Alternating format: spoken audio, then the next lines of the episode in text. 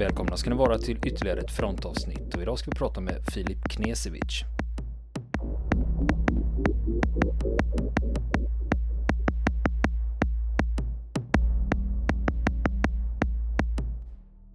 Ja Filip, välkommen till fronten. Tackar. Nu är det två poddare som ska sitta och prata här. Ja, eh, jag fick förklara för min fästmö att det var jag som skulle bli intervjuad idag och inte intervjua.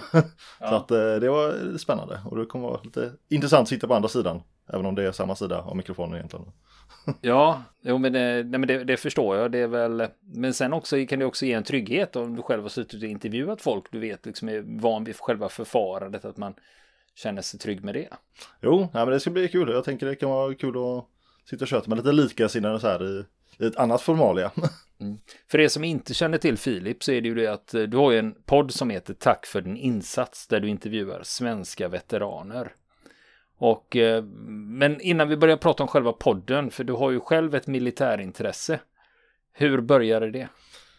Ja, ska man dra det hela vägen bak till, till grunden så tror jag det var när jag var, kan varit fem, sju, sju år gammal någon gång. Då kom min far hem från, eller min far hade då gått bort, men tidigare så hade han kommit hem från USA med grejer och han var ofta där och jobbade och han hade kommit hem med massa eh, militärkläder, kammokläder och det var ju jättefränt, woodland-kammon då liksom.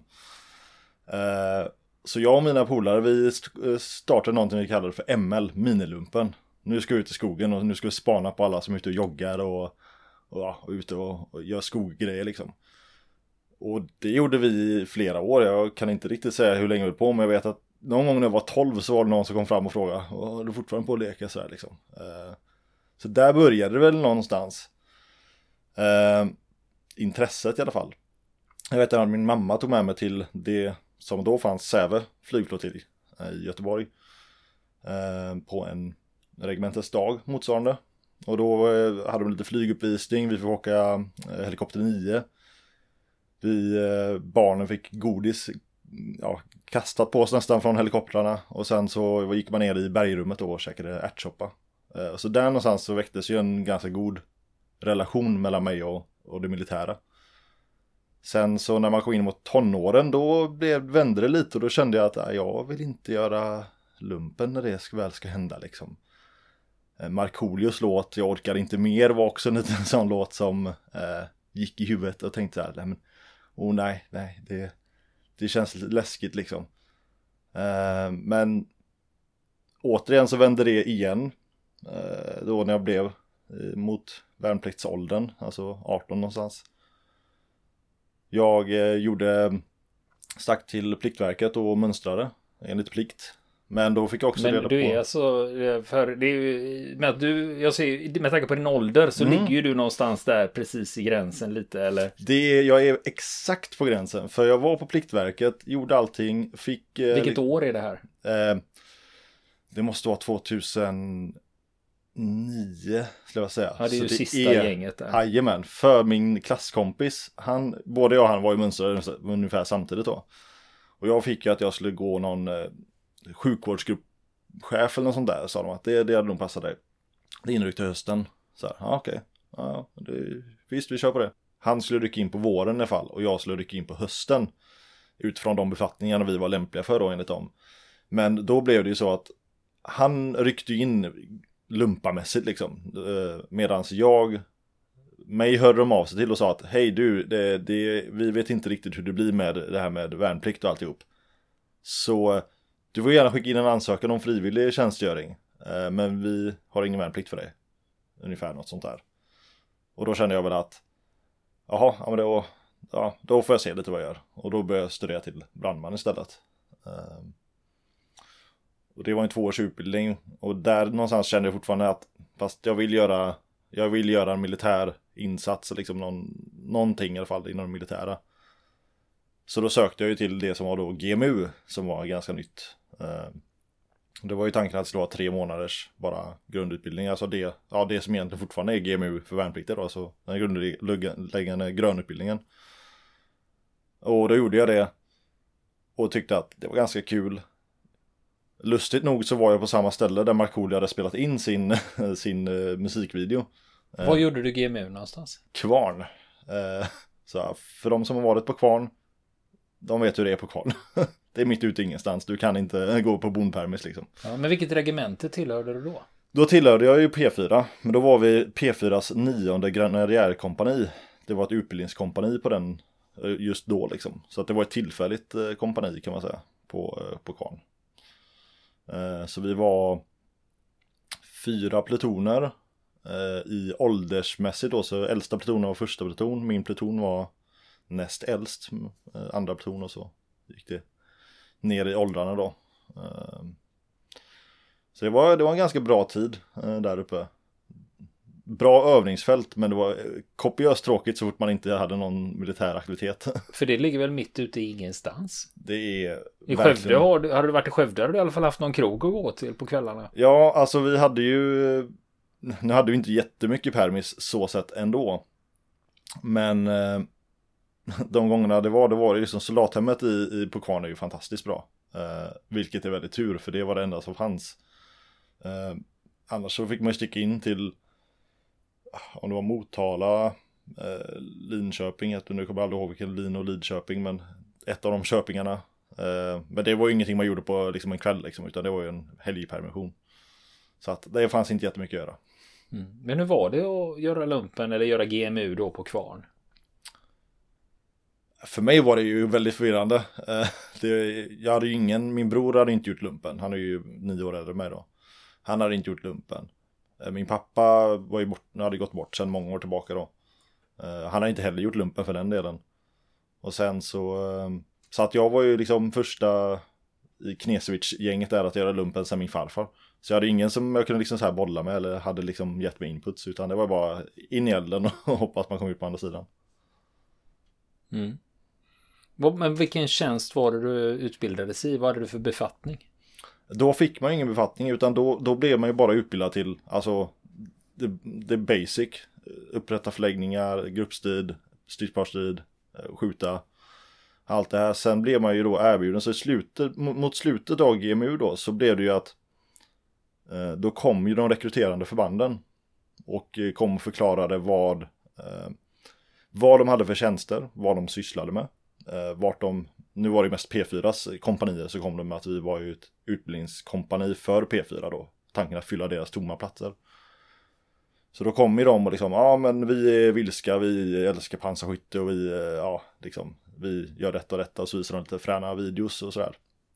Och då kom ju, då, jag minns detta väldigt väl för att några var ju tillbaka från Afghanistan ganska nyligen då. Detta var ju 2013. Eh, ja, precis våren 2013. Så det var, det var några som var ganska nyligen, nyligen tillbaka från Afghanistan. Bland annat då P4s eh, trosskompani. Och då visade de lite bilder och det var inte så lika fränt som pansarsskyttet liksom. Det var inte massa eh, stridsfordon och liksom pang pang men, men de visade lite bilder och då var en bild en, en Scania MS-bil eh, med en tankcontainer ute i Afghanistan liksom på en öken, ökenbädd så här. Så tänkte jag bara så här, vad, vad är det? Vilken idiot kör ett sånt här stort måltavla i en krigszon liksom? Det är ju, det är ju självmordsbenäget. Det lustiga är sen att jag blev rekryterad av då Trosskompaniet och sen några månader senare igen så sitter jag i exakt likadan MS-bil. inte i Afghanistan i och för sig men eh, och tänker att ja det är där jag då. Mm. Men är det här, det här var en anställning då? Ja då blev man ju anställd, då blev man erbjuden för GMUn var ju bara tre månader, då kunde man ju säga att ah, jättekul, eh, kul scouttid men nu går jag hem. Eller skulle man ju ta en anställning då? Jag tog ju en anställning. Lite, jag fick inte det jag ville. Eller jag, jag, blev, jag ville ju bli skyttesoldat. Som alla andra. Eh, men jag valde ju att ta anställningen på Tosskompaniet för det var det som erbjöds mig. Och det är jag väldigt glad för idag. Det är fantastiskt. Jag är fortfarande kvar där än idag och det är åtta år senare liksom. Mm. Men när du väl har kommit in där, då, då börjar en utbildningsfas för dig. Mm. På Trosskompaniet. Ja, vi hade ju sagt ganska tur. Vi var ju många, många som var, eh, de hade ju varit i Afghanistan, många hade varit MBG 11. Eh, och så många var ju, hade ju ganska många år på nacken då, så vi kom in, jag och min stridsparskamrat Eriksson då. Som nu inte heter Eriksson längre för han gifte sig. Men eh, vi kom in samtidigt. Han kom från Enköping från GMU där då. Eh, och då började vi en utbildning med kompaniet. Och då fick vi det vi behövde, kulspruta 58. Eh, lastbilsutbildningar, eh, konvojkörning, eh, konvojstrid och ja, vad var det mer? Det var lite sådär då, alltså tekniska tjänster runt omkring det vi pysslar med liksom. Mm. Och, och, det är väl själva utbildningsfasen där och vad händer sen då? Sen blir det väl ni är ju klara med utbildningen då och då är ni ju anställda soldater och ägnar er åt, åt verksamhet då. Ja, alltså vi var ju anställda egentligen från första början då. Eh, men vi var ju liksom, vi var ju lite vid sidan med att vi gjorde alla utbildningar då. Men själva huvudverksamheten sen var ju liksom att, och det var även lite mellan vissa utbildningar, för vissa utbildningar, det var ju inte så att alla låg exakt i, i, liksom, i kant med varandra.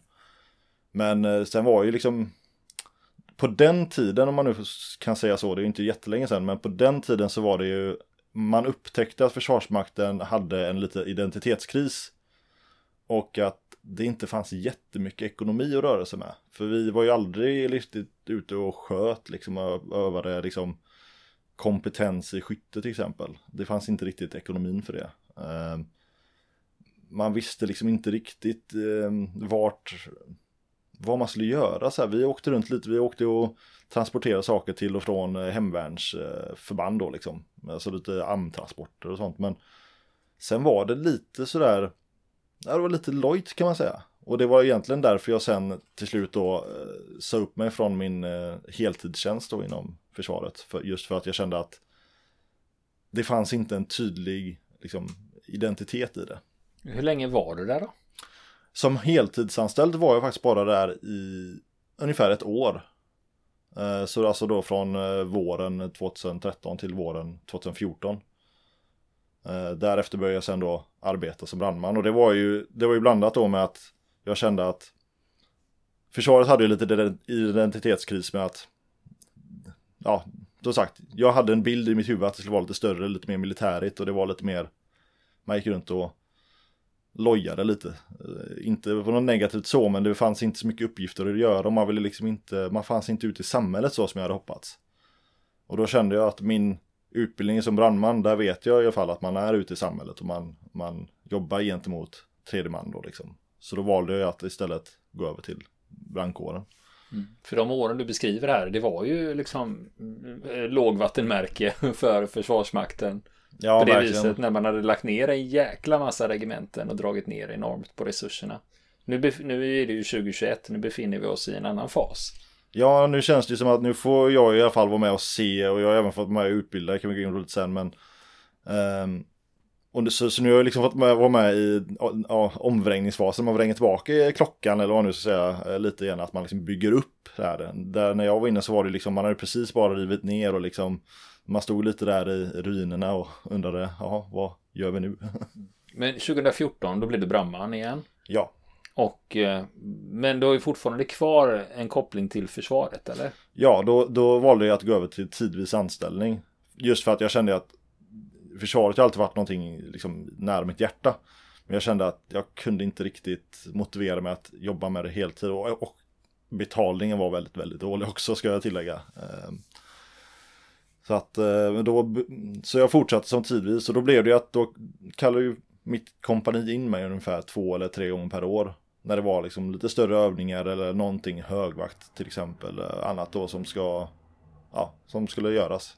Hur många dagar per år gör man som tidvis? Det är väldigt olika beroende på tjänst, kompani och allt sånt där. Men nu har man upptäckt att de har ju börjat aktivera oss mer då. Eh, vilket är väldigt kul. Nu har jag fått en tjänstgöringsorder på några veckor, tre, tre veckor på, på våren. Så det brukar vara en kanske någonstans mellan fyra och sex veckor under ett år då utspritt. Och för mig, eh, vi har ofta haft vår, vårövning och eh, höstövning då. Så två, tre veckor på våren, två, tre veckor på hösten. För det ställer ändå lite krav på en förstående arbetsgivare när man eh, är tidvis, när man ska börja ett jobb då till exempel och säger att du, fem, sex veckor per år är jag inte här. Ja, och, och det, det är ju många som har haft känt att de inte har riktigt kunnat möta förväntningen från Försvarsmakten för att de inte har kunnat ta ledigt från jobbet. Jag har ju alltid varit väldigt tydlig mot mina arbetsgivare att och sagt det i princip på arbetsintervjun liksom att jag är tidvis anställd i försvaret. Jag kommer att behöva tjänstgöra då och då. Eh, det är liksom den begränsning jag har med mig. Men i slutändan så är det en styrka för både arbetsgivaren och för mig och även för samhället i stort. Så att jag har försökt att se till att det inte är ett problem. Mm. För det är också en merit kan jag tycka att, eh, att vara soldat. Eh, gentemot en arbetsgivare att ja, men då, är, då borde man ju tänka det sitter en kille som du då på en anställningsintervju och säger jag är ju soldat även i Försvarsmakten. Då kan man ju tänka att ja, men då borde han ju inte vara hur jävla stollig som helst utan det måste vara någon ordning på torpet. Ja, men ja, det är upptäckt också, alltså, jag håller, jag håller med dig där. Det, det är ganska ofta en merit när man pratar med framförallt kanske lite äldre arbetsgivare. Alltså de som är i den tiden när alla gjorde lumpen. Ehm, de vet lite vad det innebär. Pratar man med kanske lite HR-strateger som är i, i min ålder till exempel som, som inte riktigt har den kopplingen till folkhemsförsvaret om man nu kan säga så, så, så, så är det liksom det är bara, de vet inte riktigt vad det innebär. Men det är ju en stor fördel tycker jag oftast att, att ha en militär bakgrund. Man har en problemlösning som alltid går i bakhuvudet liksom. För, för försvars, allting Försvarsmakten handlar om är problemlösning hela tiden. Din, eh, din, din stridsplanering är aldrig bättre än första stridskontakten liksom. Så att, um... Och sen borde du förhoppningsvis ha en viss stresstålighet också. Ja, det kan man ju också hoppas att man har ja. Nej men så är det, det finns ju många goda egenskaper som, som ofta kommer med folk som, som har klarat sig en, en militär period liksom. Alltså oavsett om det är en, en fullängdsvärnplikt eller om det är ja, en anställning då liksom. Men den här tidvisa anställningen, har den löpt på sedan 2014 då? Ja, den blev ju faktiskt förnyad nu i, ja, för bara några månader sedan här. Eh, och vi fick lite information från bataljonschefen då. Att, eh, för jag trodde att jag bara, bara hade fyra år kvar. Att det var ett tolvårskontrakt precis som heltidsanställda får ju bara jobba åtta plus fyra år. Ehm, så några av dem jag började med eh, har jobbat åtta år och fick inte förlängt sitt anställningskontrakt. Medan några då har fyra år till. Men jag som tidvis anställd, jag får ju då jobba åtta år och sen kan jag få förlängt åtta år till. Så det blir ju 16 år totalt jag får tjänstgöra som soldat.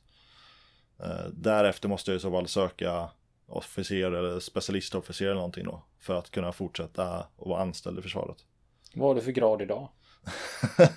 eh, ja, eh, jag är fortfarande menig fjärde klass. Eh, det har ju varit lite snack om att jag ska egentligen vara vicekorpral. Eh, ja, det är ganska mycket som ligger efter i det här med tidvisa verksamheten kan vi säga. Eh, jag har ju alltid varit väldigt aktiv i mitt militära deltagande och jag har god relation med både befäl och, och kollegor så jag har ju alltid liksom hängt med lite i svängarna men eh, jag har ju fått ligga på det här med grader så jag gick ju från menig första klass, en pommes då, till menig tredje klass, tre pommes utan att ta andra för de hade missat där.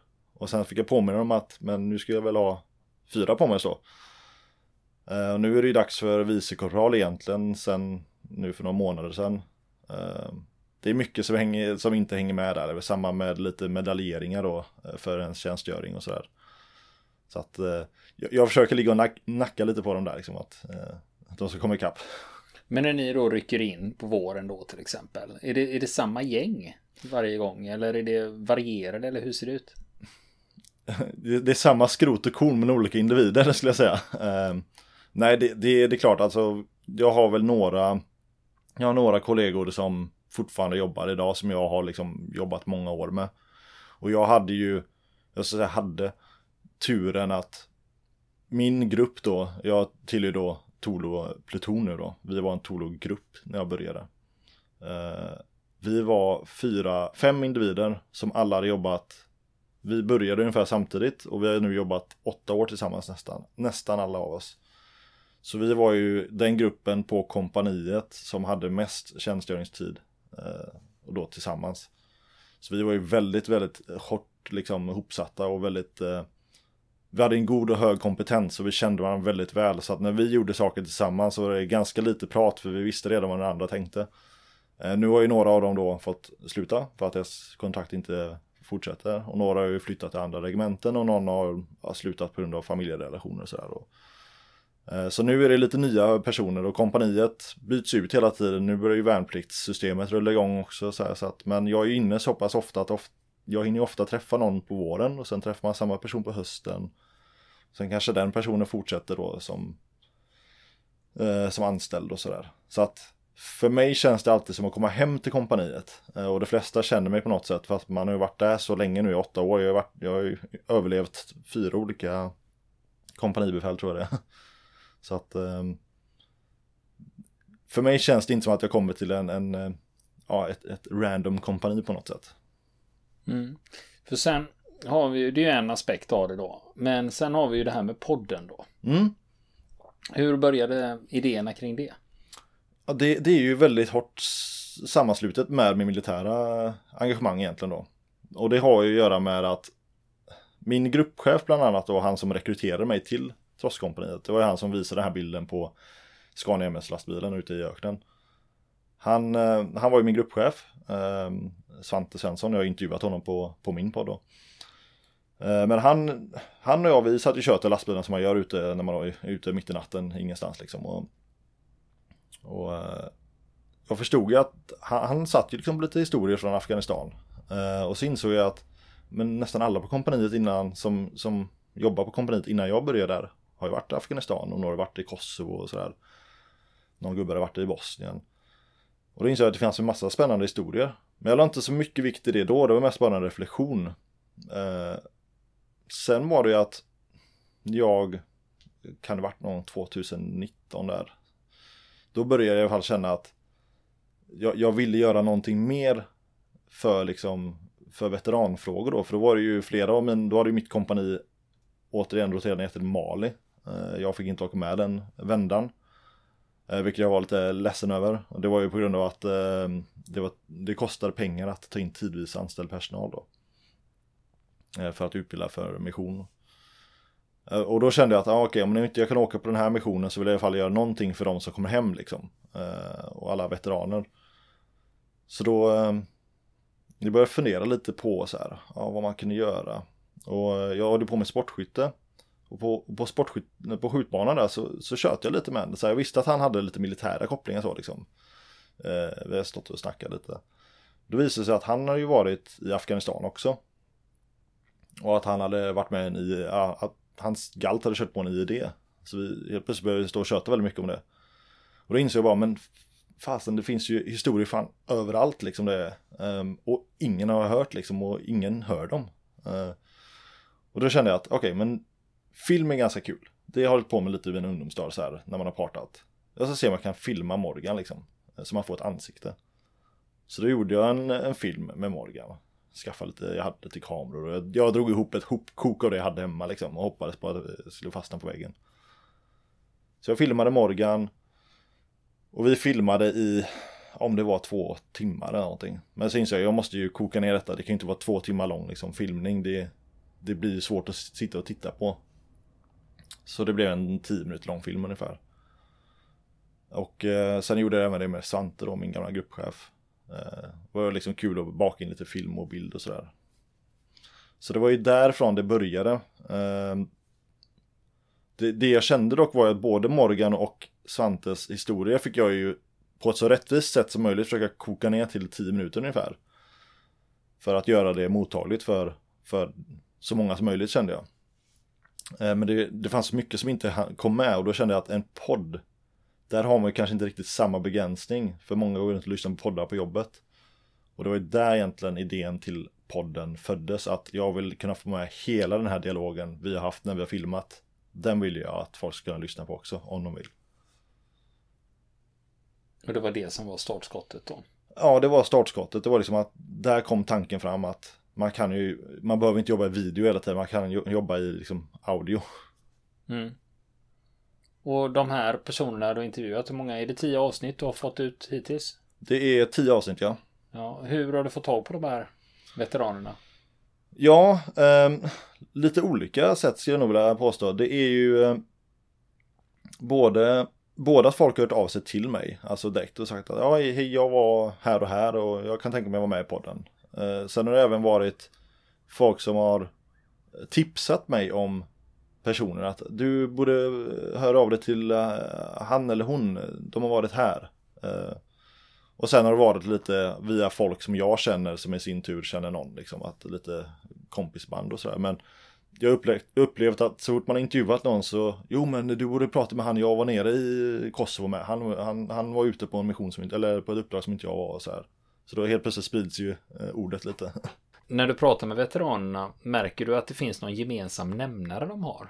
Även om de har varit på det olika personer, olika missioner. Men hittar du någonting som knyter ihop dem?